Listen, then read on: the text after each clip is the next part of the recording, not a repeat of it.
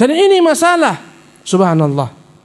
Allah Subhanahu wa taala telah menyebutkan kepada kita jangan meniru orang-orang Yahudi. Bagaimana orang Yahudi? Kata Allah, tahsabuhum jami'an wa qulubuhum syattah. Kalian mengira mereka itu bersatu padu, padahal mereka hatinya pecah belah. Dan itulah nasib kaum muslimin. Subhanallah.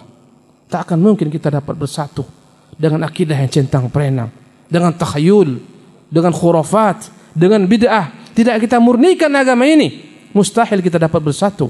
Subhanallah. Sebagian melakukan kesyirikan, tergelincir dalam kesyirikan. Sebagian mengabaikan isyarat-isyarat Qur'anul Karim. Sebagian bermaksiat menentang Allah Subhanahu wa taala. Subhanallah. Ini persatuan hakiki dan ini akan dapat menyatukan kaum muslimin.